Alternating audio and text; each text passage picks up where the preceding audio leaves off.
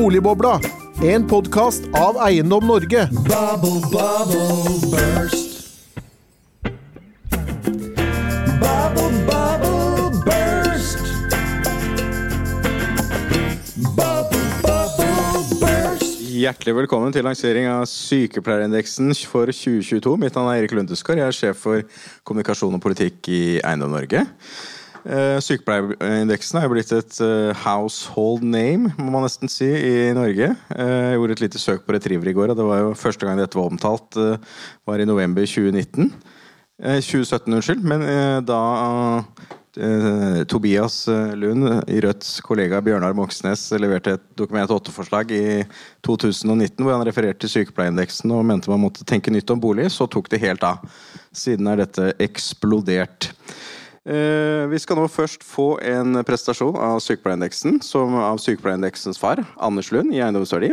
Så får vi en eh, oppdatering av eh, Eiendom Norges boligskattereform, prestert av Eiendom Norge-direktør Henning Lauritzen. Og som en liten bonus på det hele, så tar vi en liten skattedebatt og spør hvor høy boligskatten skal være i Norge. I kjølvannet av Skatteutvalget som nylig leverte sin utredning. Da har fått med noen flotte politikere fra finanskomiteen. Anders, da gir jeg ordet til deg. Vær så god. Tusen takk for det, Erik. Jeg heter da Anders Lund og er eh, analysesjef i Eiendomsverdi. Og skal presentere sykepleierindeksen for eh, dere. Ehm, Hva er sykepleierindeksen? Den viser hvor stor andel av boligmassen, eller de boligene som har blitt omsatt, som en singel sykepleier har, får finansiering til å kjøpe. Og hvorfor skal vi bry oss om den? Det er fordi den måler hvor Altså, er det tilstrekkelig med en god norsk inntekt for å få finansiering til å kjøpe seg en bolig? Og hvis det ikke er tilstrekkelig, så har vi et boligprisproblem. Så hypotesen til indeksen, eller metoden, eller hva man, skulle, hva man vil kalle det, er at hvis en sykepleier som er et relativt godt betalt yrke, ikke er tilstrekkelig for å få finansiert til å kjøpe bolig, så har vi et boligprisproblem. Hvis sykepleieren får kjøpe en veldig stor andel av boligene, så har ikke boligprisene et eh, problem i seg selv. Da er egentlig boligprisene relativt sett lave. Hva er nytt siden eh, sist gang vi kom med tall? Vel, rentene er opp. Levekostnadene er betydelig opp. Strømprisene er opp. For å motveie det, så har selvfølgelig også lønningene gått eh, noe opp. Um, men vi skal da se på hva, hvilke konsekvenser det får for, for sykepleierindeksen. Boligprisene har gått opp første del av året, så har de falt tilbake andre del av året. Så har det kommet en ny utlånsforskrift. Utlånsforskriften er ekstremt viktig for hvor mye finansiering man får. Den kom nå og er gjeldende fra 2023, så den får ikke konsekvenser for tallene som jeg presenterer i dag. Men vi skal regne litt på hva det eventuelt får konsekvenser fra og med neste år. Og så har vi også tatt inn og snudd på regnestykket. Det har vi blitt spurt om mange ganger. Ja, hva hvis ikke sykepleieren har råd? Hvor mye må man egentlig tjene for å få råd til en hensiktsmessig bolig? Så vi har snudd også på regnestykket og funnet ut da hva som er inntekten som kreves for å komme da inn på boligmarkedet for å få en tilstrekkelig eh, bolig. Så da går jeg bare rett på, på egentlig starte med et eksempel på hva en singel sykepleier får råd til i Norge i dag. Og det er den leiligheten her. Dette er et eksempel fra Larvik. 74 kvadratmeter. Bygget i 2010 omtrent. eh, Og er egentlig en det vi vil kalle en hensiktsmessig bolig. Så er spørsmålet hvor representativ er den for norske boliger generelt? Vel, det er 27,7% av alle boliger omsatt i 2022 hadde en singel sykepleier fått finansiering til å kjøpe. Så vår påstand, basert på det tallet, selv om det tallet er ned fra i fjor, eller fra i forfjor, da, det var på 30,8, er nå ned til 27,7 er at bolig er tilgjengelig i Norge på generelt grunnlag. Men det er jo store region, regionale forskjeller. Så sånn som Oslo og omegn, så er det ikke tilgjengelig. Um, men resten av landet så er bolig tilgjengelig. Så vi har ikke et generelt boligprisproblem. Hvis vi måler det på den måten vi gjør eh, med sykepleierindeksen i landet som helhet. Det jeg tenkte nå, er å vise dere hvordan vi faktisk har regnet på det. Fordi vi så jo nå at det var mindre tilgjengelig i 2023 enn i 2022. Og vise da hvordan og hvorfor det har blitt mindre tilgjengelig enn det, enn det var i eh, Sorry. I 2022 enn i 2021. Da må vi ta utgangspunkt i hva sykepleieren faktisk tjener, og hvor mye finansiering eller hvor mye bolig du har råd til med denne inntekten. Og som jeg nevnte innledningsvis, dette er en relativt god inntekt. Og det er også hensikten med indeksen. Det er ikke hensikten at vi skal Det er andre mekanismer for å måte, fange opp absolutt alle. Det er bevisst valgt at vi har tatt en, en, relativt god inntekt, men som er representativ, så den skal ikke være for god heller. Gjennomsnittlig så tjente en sykepleier i 2022 640 000 per år. Og så er spørsmålet hvor mye lån får du basert på det? Og Da er det en boliglånsforskrift eller en låneforskrift som eh, begrenser hvor mye lån du kan få. Og det er to paragrafer som er viktige her, som er spesielt viktige. Det ene er hvor mye lån du kan betjene altså hvor mye du har råd til. Og det andre er en absoluttgrense på at du ikke skal ha mer enn fem ganger inntekt i lån, uavhengig om du har råd til det. Og hvis vi regner på hvor mye du kan betjene først, så skal du fram til 31.12.2022 så skulle du tåle en stresstest på 5 prosentpoeng. Det betyr at du skal ta rentenivået som er i dag, og så skal du legge på 5% og så skal du fortsatt ha nok midler til varig livsopphold. Og hvor mye man hadde råd til å betjene, var veldig veldig høyt i 2021 fordi renten var så lav som den var. Da var den oppe på 3,770. Så har det skjedd mye i 2022. Renten har kommet opp. Levekostnadene har kommet opp. Og lønnen har ikke vært nok Altså den har ikke kommet nok opp til å, å demme opp for de andre økte kostnadene, som betyr at den hvor mye du kunne betjene i lån, har falt betydelig fra 2021 til 2022. Altså i størrelsesorden 20% Men så er det sånn at maksimalt låneopptak, som jeg nevnte, begrenses også av fem ganger inntekt. Og fordi vi har hatt den mekanismen inne, så har faktisk maksimalt låneopptak gått noe opp for sykepleieren, på tross av disse økte levekostnadene.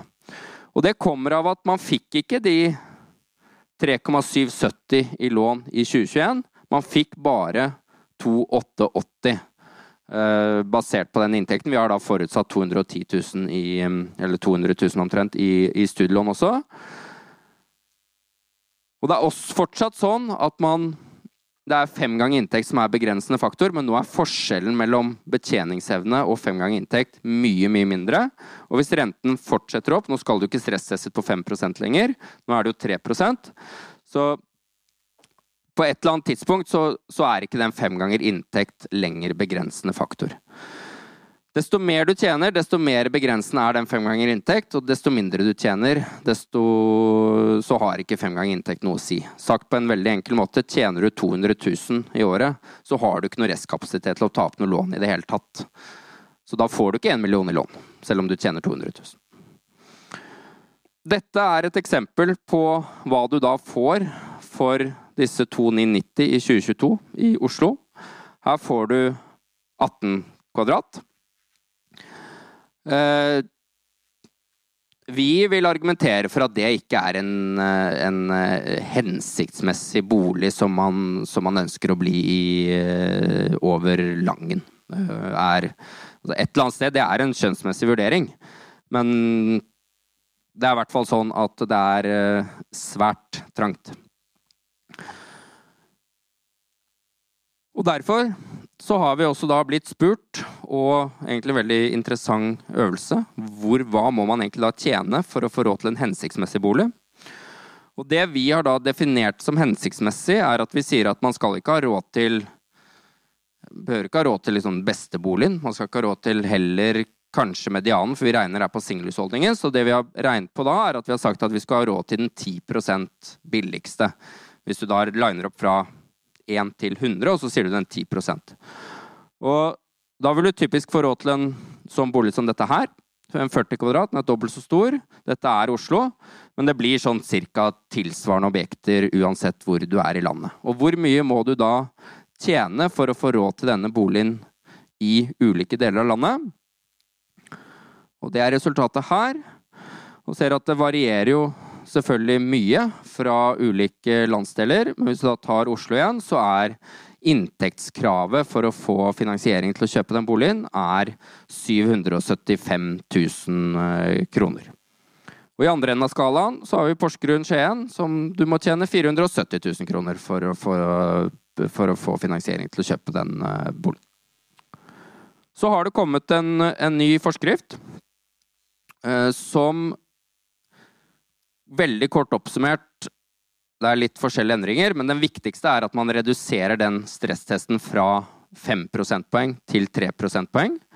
Det vil jo ikke få konsekvenser for sykepleiere nå, fordi de uansett er begrenset av 5X.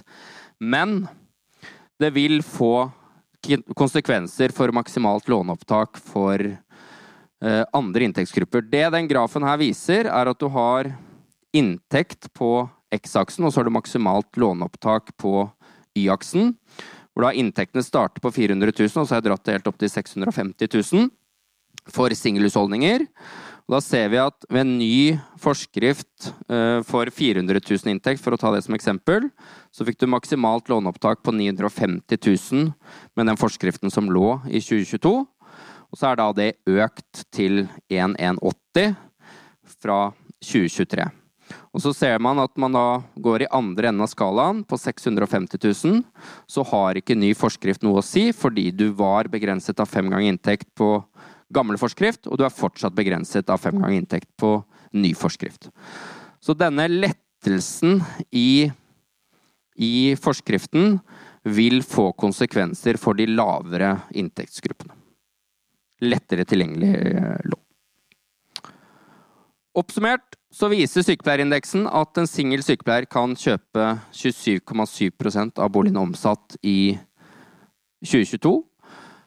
Bolig har blitt mindre tilgjengelig i Norge fordi boligprisene var gjennomgående på et høyt nivå i 2022, og lønnsveksten var ikke tilstrekkelig for å øh, demme opp for det, egentlig. Så det ble mindre valgfrihet. Og endringene i utlånsforskrift vil ikke få uh, konsekvenser for de med inntekter over 600, men vi vil få det for de under 600 for singelhusholdning. Så det vil være et annet regnestykke for andre husholdningstyper, men det er bare eksemplifisert uh, her med, med singelhusholdning. Hjertelig takk, Anders. Alltid spennende å høre. Henning, da skal vi få høre hvordan du kan senke terskelen for å bli boligeier i Norge. Nå er vi spent. Yes, eh, Sykepleierindeksen viser jo helt klart at eh, det er mange problemer rundt det å bli boligeier i Norge. Eh, spesielt på lavere inntekter, som man jo ofte har i starten av karrieren, f.eks. Og Eiendom Norges boligskatteforslag, det boligskattereform, det har som hensikt å forsøke å gjøre det lettere å komme inn på boligmarkedet. Og for å ta noen utgangspunkt og noen premisser, så har vi en norsk boligmodell med en høy andel som eier egen bolig, som har tjent oss veldig godt. Vi har en veldig sjenerøs boligbeskatning i Norge, men det er ikke uten grunn. Det er en av årsakene til vi har den høye eh, eierandelen.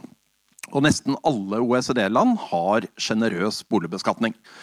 Og så har vi tenkt som så at det er urealistisk at boligeierne skal få enda gunstigere beskatning. Men det går an å gjøre noe med skatten for bl.a. å sørge for at de som skal inn på boligmarkedet, får lettere. Og så kan kanskje de som er på min alder, tåle å betale litt mer skatt. Så det er et skatteskifte vi foreslår. Eh, noen premisser. Den norske boligmodellen med høy eierandel er en fordelingspolitisk suksess. Og en veldig viktig ting med den norske boligmodellen er at som eier av bolig, så vet vi at formue er likere fordelt enn andre finansielle aktiva. Så høy boligeierandel det gir også større likhet enn i våre naboland, hvor vi har mange flere som er leietakere. Så har vi også noen sånne andre ting i boligbeskatningen som er viktig å ha med seg. Eh, vi vet at økt skatt på utleie det gjør at utleierne stiller høyere avkastningskrav til utleien. Eh, det har vi sett sånn som situasjonen er i Norge i dag. Og det gir også høyere husleie. Jeg spår at det året vi går inn i, eller er inne i nå, så kommer vi til å se en kraftig husleieøkning. Det er mange årsaker til det. Skatt eh, er kanskje med på det. Og så er det også sånn Hvis vi ser på det samlede skattenivået innenfor boligområdet Hvis vi hadde økt boligbeskatningen kraftig, så hadde vi også skapt noen problemer som er viktig å være klar over. Og ett av dem er at det hadde dempet boligbyggingen. Eh, det er nemlig sånn at i perioder hvor boligprisene øker, så øker boligbyggingen. Så hadde vi dratt ned boligprisene, så drar vi også boligbyggingen ned. Og så er det selvfølgelig sånn at situasjonen er spesiell i deler av Distrikts-Norge. Det er allerede dyrere å bygge enn det en bolig er verdt. Og det er klart Hvis boligprisene skulle gå ytterligere ned, så blir det enda større områder det er vanskelig å bygge. Så er det en annen viktig premiss, som også er del av vårt forslag. Det argumenteres ofte med at man bør beskatte bolig hardere for å vri kapitalen over eh, til disposisjon for næringslivet. Det vil vi tilbakevise er noe det er et behov for, og vi vil også tilbakevise at det gir større samfunnsøkonomisk eh, effektivitet. Eh, I 2018 så avga Kapitaltilgangsutvalget sin innstilling, og de konkluderte helt klart med at norsk næringsliv har rikelig tilgang på kapital til en riktig pris. Og så påpekte de at for oppstartsbedrifter så kan det være problemer. Men oppstartsbedrifter de må man finne løsninger hvor det er proffene som, som hjelper dem i gang. Det er ikke noe for tante Gudrun å skulle finansiere. Det er noen forbedringspunkter som er ganske viktige i norsk boligbeskatning. Eh, det ene er at de unge bærer en uforholdsmessig stor del av beskatningen. Eh, de unge flytter oftere enn oss som er litt oppe i årene. Det betyr at de betaler mer dokumentavgift enn andre pga. hyppige flyttinger. Dokumentavgiften den fungerer jo som et ekstra egenkapitalkrav. Eh, man skal ifølge utlånsforskriften ha 15% og så må man ha 2,5% dokumentavgift i tillegg. Og så er det sånn at Kommunal eiendomsskatt den treffer også de unge hardere enn andre grupper. Og det har sammenheng med at den jo i praksis er en formuesskatt uten gjeldsfradrag. Og gjeldstoppen i livet den når man sånn i midten av 30-årene omtrent. Og når man ikke da får fradrag for gjelden, vel, da får man høyere skatt enn de som eh, Eller hva skal man si, man får på sett og vis en høyere formuesskatt. Dokumentavgiften svekker mobiliteten i samfunnet. Og så har vi også et forhold med de aller dyreste boligene og fritidsboligene. Det dårlige ligningsverdisystemet som vi har for bolig og fritidsbolig, de gjør at eh, hva skal man si, formuesskatten fungerer nærmest regressivt. Jo dyrere bolig, jo lavere eh, formuesskatt. Eh, og det er noe man bør gjøre noe med. Eiendom Norge har da et skatteendringsforslag som er provenynøytralt. Verken mer eller mindre inntekter til skatten, men en annen profil. Og Vi foreslår da at man tar bort hele dokumentavgiften. Det er over 12 milliarder. Man fjerner den kommunale eiendomsskatten, over 8 milliarder. Og så tar man det igjen ved å redusere verdsettelsesrabatten på primærbolig. Fra dagens 75% til 30% Man flytter rett og slett skatten eh, over til da formuen. Jeg skal ikke bruke mye tid på hvordan dette skatteskiftet vil slå ut, men vi har laget en del regneeksempler både for singelhusholdninger med normal gjeldsandel og eh, par med normal gjeldsandel. Boliger på 3-4-5 millioner for den single og tre, fem og 8 millioner for paret. Og eh, kort oppsummert så blir det for de som har 40% gjeldsandel, så vil man faktisk få litt lavere skatt enn i dag eh, med denne modellen. Men der man har gjeldsfrie boliger som man eier, og tilhører disse kategoriene, så vil man i mange av tilfellene få høyere skatt. Altså man flytter i praksis fra en fase av livet til en annen, hvis man skal si det litt oppsummert. Og helt sånn avslutningsvis så kan jeg også nevne at boligmarkedet, eiendomsmarkedet, er et område som eh, er et stort risikoområde for kriminalitet. Og i tillegg til en skattereform, bedre ligningsverdi for bolig, så er det også viktig at man får på plass en del virkemidler for å hindre denne kriminaliteten. Tinglysningsplikt det er et godt eksempel på det. Få i gang dette registeret for skjult eierskap, som sliter litt. Full folkeregistertilgang, så man kan sjekke hvem folk står i ledetog med. Og en del andre ting ser vi på som viktig. Da takker jeg for meg nå i denne runden. Takk skal du ha, Henning. Da skal vi få en liten bonusspor her på lanseringen. og Det er en skattedebatt. Hvor høy skal boligskatten være? Og vi har fått eh, et eh, veldig bra panel med politikere fra Stortinget. Først vil jeg invitere opp eh, Frode Jacobsen fra Arbeiderpartiet. Hjertelig velkommen til deg. Du kan jo ta plass her. Mahmoud Farahman fra Høyre og finanskomiteen. Vær så god. Og så har vi fått med mm, Cato Ellingsen fra SV. Hjertelig velkommen til deg. Og så har vi fått med Tobias eh, Drevland Lund fra, fra Rødt. Du kan sitte her. Da. Skal vi se, hvis du sitter her. Og så må vi jo først uh, og så er det Henning Lauritz, selvfølgelig, som jeg aldri må glemme. Som vi også skal ha med videre i panelet. Som jeg alltid glemmer. Men før, først må vi foregripe kritikken om at dette er et rent mannepanel. Eh, og Cato, du er egentlig Kari Elisabeth Kaski. Takk for det. Så, ja.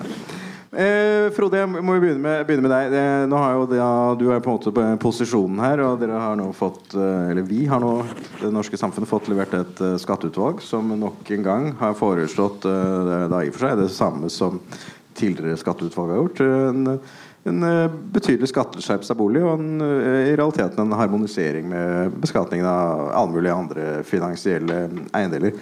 er det noe realisme i at eh, dette, dette skatteutvalgets forslag eh, vil bli noe implementert, for å si det sånn?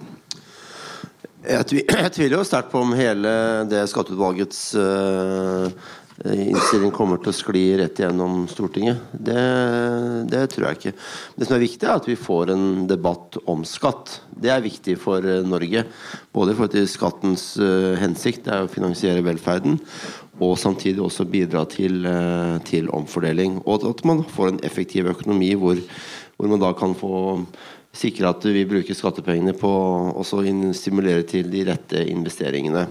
Og Da har jo måtte, debatt om boligbeskatning alltid eh, ligget der eh, som et tema, både i forhold til fordeling og effektivitet i økonomien. Eh, men eh, og så er det ikke sånn at vi kan måtte, shoppe litt heller her. Eh, Skatteutvalget har et helhetlig forslag. Det er det som er spennende. Eh, hvor alle så vidt jeg har hørt, har vært enige om at det er viktig at skatten på arbeid skal bli lavere. Og hovedforslaget deres er jo på en måte denne Eh, arbeidsendringen eh, på, på, skatt på arbeid. Et solid eh, arbeidsfradrag der.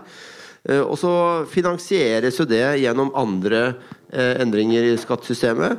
Gjennom dette på bolig, gjennom på moms, gjennom skatt på arv, som de foreslår. Så det er mange elementer her som det er helt sikkert lett for alle oss unnskyld, å være imot.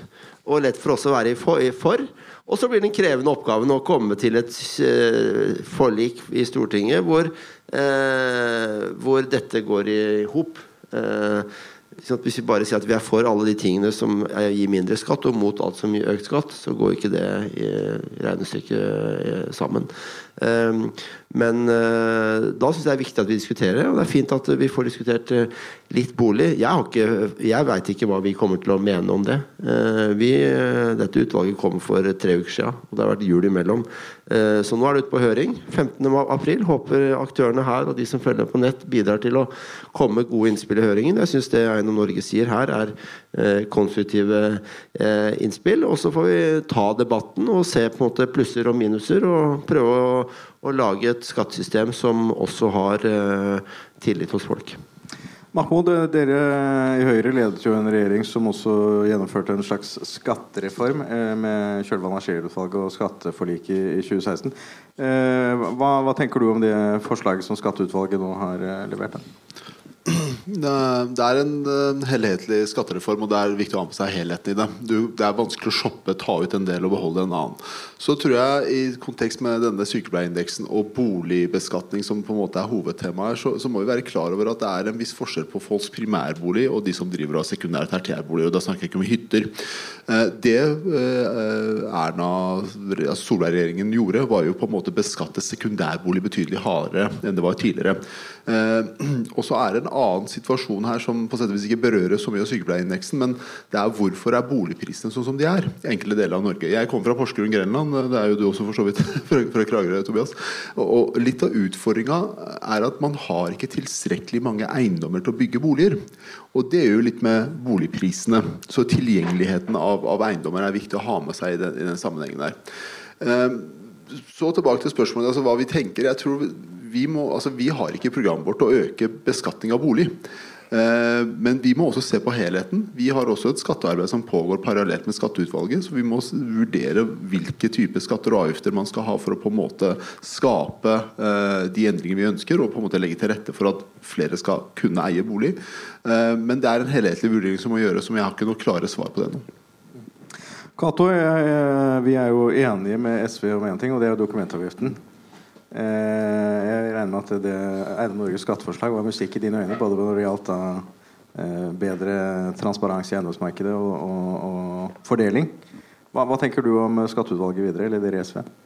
Ja, og det er jo eh, En av utfordringene med skatteutvalget, eller det som er bra òg, er jo at det gir helhetlig, et helhetlig bilde og et helhetlig forslag. Og så er det en utfordring for oss politikere, fordi at eh, våre enigheter og uenigheter går jo ikke helt, eh, helt i hop. og Noen er enige i noe, og andre er enige i noe annet. og Sånn er jo for så vidt deres forslag òg. at eh, Dokumentavgiften er jo vi veldig enige i. Og så er det andre elementer der som på en måte kan være mer utfordrende.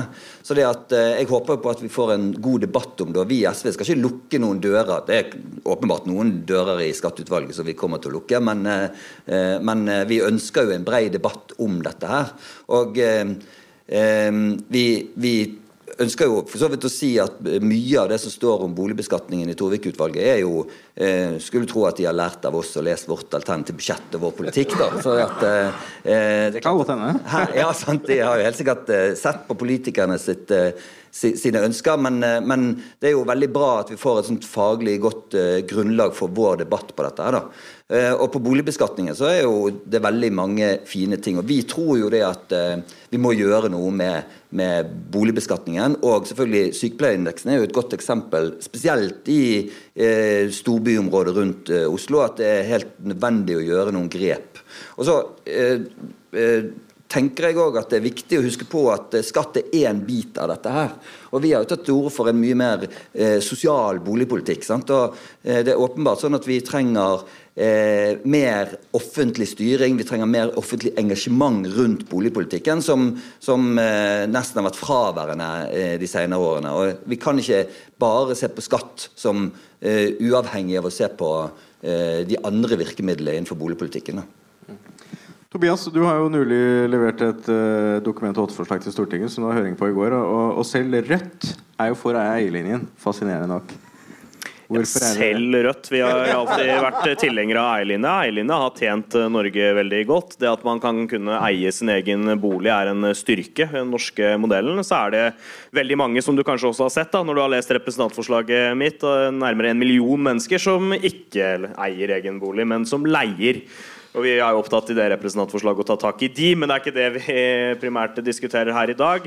Eh, Det er mye klokt som har blitt sagt eh, allerede. Vi, vi har ikke tatt stilling til alle forslagene som kommer fra eh, skatteutvalget, men det som jeg kan si allerede, og som er gledelig å si, da, er jo dette med rabatt på verdsettelses, altså verdsettelsesrabatten som dere tar opp i Eiendom Norge. Det er jo også Rødt enig i. Altså I vårt alternative statsbudsjett så har vi sagt at boliger opp til en markedsverdi på 10 millioner burde ha verdsettelsesrabatt per i dag, så slik den er i dag. Men over det så burde man ha 100 da. Eh, I tillegg på sekundærboliger så vil vi også ha 100 eh, Altså at det ikke skal være 5 rabatt, slik som det er i dag. Eh, og det er jeg jo veldig glad for at også Eiendom Norge ser på og trekker fram her på en del av sine løsninger. Men det er jo som Cato er inne på, da, vi kan ikke bare se på skatt isolert sett og tenke at det løser alt. Vi trenger også mye mer offentlig engasjement i boligpolitikken. Og jeg vil jo tørre påstå at siden 80-tallet har jo ikke det offentlige gått sterkt inn og engasjert seg ordentlig i boligpolitikk. Man eh, alt til markedet, og det er jo kanskje liksom løvens hule, og burde kanskje ikke si for mye om det, men eh, det er jo sannheten at vi ser at når man sier at vi har et boligmarked som fungerer, ja, 27 med en inntekt på 640 000 får mulighet til å kjøpe seg bolig i landet som helhet, men vi har store regionale og geografiske problemer når 1,5% med den inntekta i Oslo får muligheten til å kjøpe seg egen bolig. Så jeg mener at vi har et boligmarked som har store store hull enkelte steder, bl.a. i Oslo og sentrale Østlandet, som vi trenger å løse politisk. Men Henning, altså en av disse elementene i skatteforslaget Det er jo det at eh, leietakere ikke har noe hva skal du si, fradrag for sine, sine boligutgifter, sånn som boligeierne har. Men, men hva eh, Leieprisene har jo nå det siste året skutt i været. Hva skal til hvis man skulle se for seg at markedet skal levere det du ikke tror de vil levere? Altså lave og stabile utleiepriser. Eh, skal, hvordan skal det egentlig skje hvis man ikke skal gjøre noe med skatten? Det er, en, eh, altså det er en stor politisk utfordring, det som har med leiemarkedet å gjøre. fordi på den ene siden så ønsker man jo å beskatte sekundærboliger og utleieboliger hardere, og, og for så vidt primærboliger eh, mildere, eller mildt. Og det har skjedd en viss skatteskjerpelse på sekundærboliger ved at formuesskatten i praksis eh, går opp. Eh, men da støter man, og, dette er jo den komplekse eh, sammenhengen her, eh, da støter man på et annet mulig problem. Og det er rett og slett at det blir mindre lønnsomt å leie ut. Og, og det kan få to utfall. Noen kan gi seg, da blir det hardere konkurranse om de boligene som er igjen. Eller det andre utfallet, at eh, utleierne må ha høyere avkastning på sin leie for hva skal man si, fortsatt ville leie ut. Og det er det nok en risiko for at vi ser i markedet i dag. Vi så veldig høy le- leieprisutvikling eh, fra andre kvartalet i fjor. Det er selvfølgelig pga. høyere rente, som gir høyere avkastningskrav for utleierne. Men denne lille formuesskattvridningen kan også være sånn lite krydder på toppen, som, som på en måte gjør at det blir dyrere å leie. Så, så det paradoksale kan egentlig være at gir vi utleieren én krone mer i skatt, så er det leietakeren som ender opp med én krone mer i husleie. Og det er viktig å diskutere når man skal diskutere boligbeskatningen. Frode, det er jo et paradoks, det. Helt opplagt eh, mange paradokser i hele boligpolitikken. Bare å si at Fra Arbeiderpartiet så er eh, det at folk skal eie egen bolig et eh, helt viktig avgjørende prinsipp eller premiss for, for vår tenkning rundt dette også. Jeg kommer jo sjøl fra Oslo, er den eneste i panelet her som eh, er fra Oslo. Selv om Cato også representerer Oslo nå, så hører jo alle at han ikke er eh, urinnvåner. Men eh, eh, jeg er det. Jeg har tre unger sjøl som skal eh, ut på boligmarkedet, forhåpentligvis om ikke altfor lenge. Klart, Jeg er jo bekymra når jeg ser de tallene her, med 1,5 eh, som kan eh, leve eller kjøpe, kjøpe bolig med den inntekten vi har snakka om nå. Eh, De er jo ikke ferdig utdanna, så jeg vet ikke hva de tjener eller hvordan deres situasjon er. Men det er klart det er en en bekymring. Men eh, jeg er nok mer bekymra for det enn om eh, utleierne tjener litt mindre penger. Eh, Så jeg er glad for de endringene vi gjør rundt, eh, rundt verdsettelse og det som gjelder utleie, utleie også. Eh, vi, jeg har sittet i bystyret i Oslo, vært leder av finansutvalget der når vi innførte eiendomsskatt. Eh, Det var ikke måte på hvor mye jamring det var på at eh, økt eiendomsskatt eller innføring av eiendomsskatt i Oslo i 2015 ville bety at eh, prisen gikk rett inn på at utleierne tok mer husleie. Vi så jo ikke det. Jeg tar gjerne en diskusjon om utleiemarkedet. Jeg, ikke, jeg tror jo i og for seg det er bra vi har utleie. Men jeg tror de tar de kronene de kan få, uansett hvilke skatter og avgifter som eh, er eh, involvert i, eh, i, i markedet der. Men jeg tar gjerne flere runder på det. At, men at det, er litt mindre lønnsomt å, å leie ut, det syns ikke jeg er noe stort samfunnsproblem. Men det er et stort samfunnsproblem at det bygges for få boliger. At det er vanskelig å få kjøpt bolig. Mahmoud? Jo, når vi diskuterer dette med bolig og boligeierskap er jo, og beskatning av det, så er det jo et, et annet perspektiv her. Altså vi, vi investerer vanvittig mye i boligene våre. Eh, Rundt 90 milliarder i året bruker vi på oppussing og vedlikehold. Eh, Av det så går jo 25% tilbake til staten. Det er også en inntjening som staten har på det. Ved å gjøre det eh, mer dyre å eie bolig, så vil det ha en effekt på f.eks. denne eh, vedlikeholdet av boligene. Og så er det, Folk er i forskjellige faser av livet. Noen er i en fase der de uansett vil komme til å leie. Uansett hvordan økonomien deres er, for de er mobile. De er i en studiefase og skal flytte videre. Det må vi ha med oss også. Dermed så blir så viktigheten av å ha utleieboliger tilgjengelig eh, ganske sentralt her. Og det er ikke noe kontrast mellom å ha et velfungerende utleiemarked og det å ha et velfungerende eierdemokrati. De to kan gå hånd i hanske. Ja, og Tobias var inne på noe her som jeg synes er interessant. at Hvis vi eier bunnfra, altså hever bunnfradraget til 10 millioner, eller hva det måtte være, så vil det også gjøre noe med provenyeffekten. Så det å ha et skatt som ikke gir tilstrekkelig proveny, eh, er ikke hensiktsmessig. Så du må på sett og vis innrette skatter og avgifter på en måte der du får provenyen. Og det må gå hånd i hånd med det overordna samfunnsmålet. Vi ønsker at folk skal eie boligen sin, og vi ønsker jo også at folk skal være med på den formuesutviklinga de får gjennom å eie bolig. Altså Proveny det er jo inntekt for staten. må jo sies. det er Ja. og Poenget der er vel at det skatteforslaget som nå er innført, med, med altså hvor det er litt eh, strammere skatt på boliger over 10 millioner kroner, eller på det som er over 10 millioner, det drar ikke inn så veldig mye penger. Nei, altså, det Jeg har ikke sett sett på alle tallene, men, altså, det vi gjør noe med provenyeffekten Når du hever bunnfradraget, så vil du automatisk det. Og det er samme gjelder samtlige skatter og avgifter som gjør. Cato?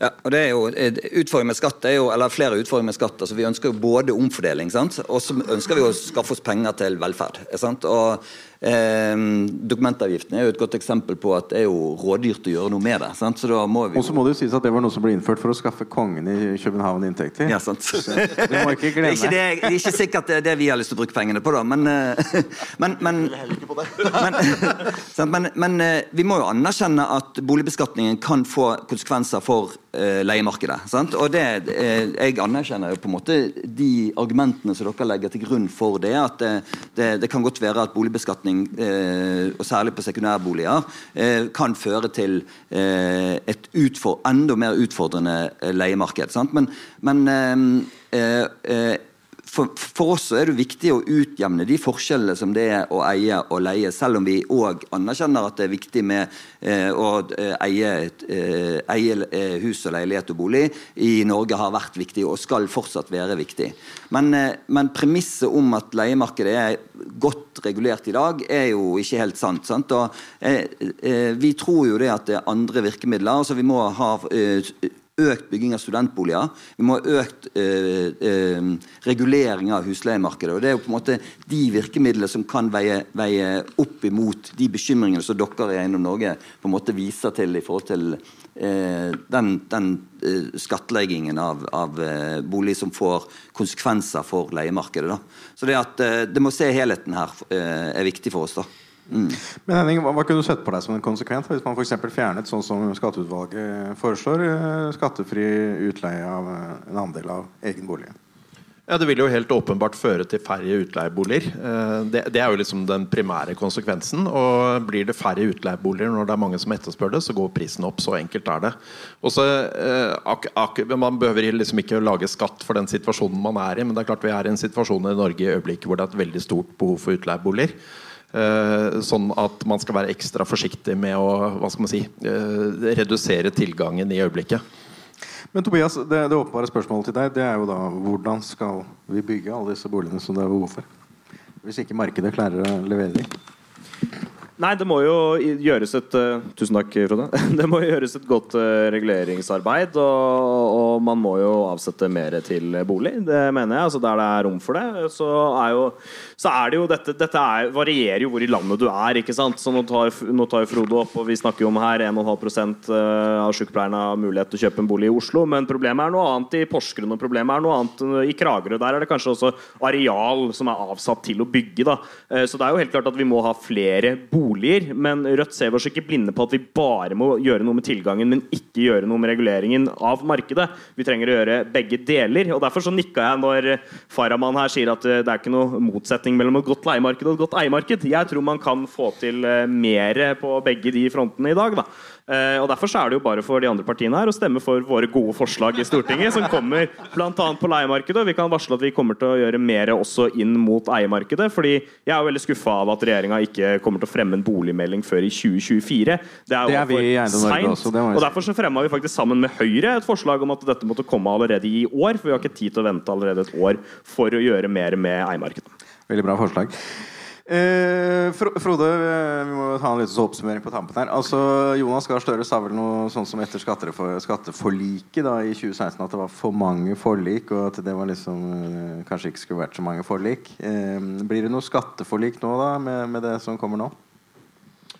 Det vil jo de neste månedene vise. Men jeg tror jo eh, av og til at eh, Norge er tjent med at eh, Stortinget inngår uh, breie forlik. Det er en fordel at det er en forutsigbarhet for en del systemer knytta til både folk og næringsliv i det landet her. Eh, og på skatteområdet har man jo inngått uh, ulike forlik uh, opp igjennom ulike skattereformer, senest i forhold til, til bedriftsbeskatning eh, for noen år siden. Eh, og så er det ulike meninger om det, men jeg håper og tror at vi skal kunne finne fram til det. for det er ålreit om prinsippene i skattesystemet står seg over noe tid. Og så kan man diskutere nivåer. Altså Arbeiderpartiet og Høyre blir vel antakeligvis aldri enige om et nivå på en formuesskatt eller eiendomsskatt eller noe, men, men prinsippene for hvordan vi innretter beskatninga vår i Norge, er en fordel å ha en øh, brei oppslutning om. Bare så trekke inn, ikke sant Eh, Det med gjeldsrenter har ikke vært nevnt, men det er jo på en måte et prinsipp i, i skatteutvalget hvor det også er liksom litt dissens. Men det viser jo da, når de vil beholde fradrag, fradraget, fradraget for gjeldsrenter, så er det fordi de forutsetter at andre deler av forslaget blir innført, bl.a.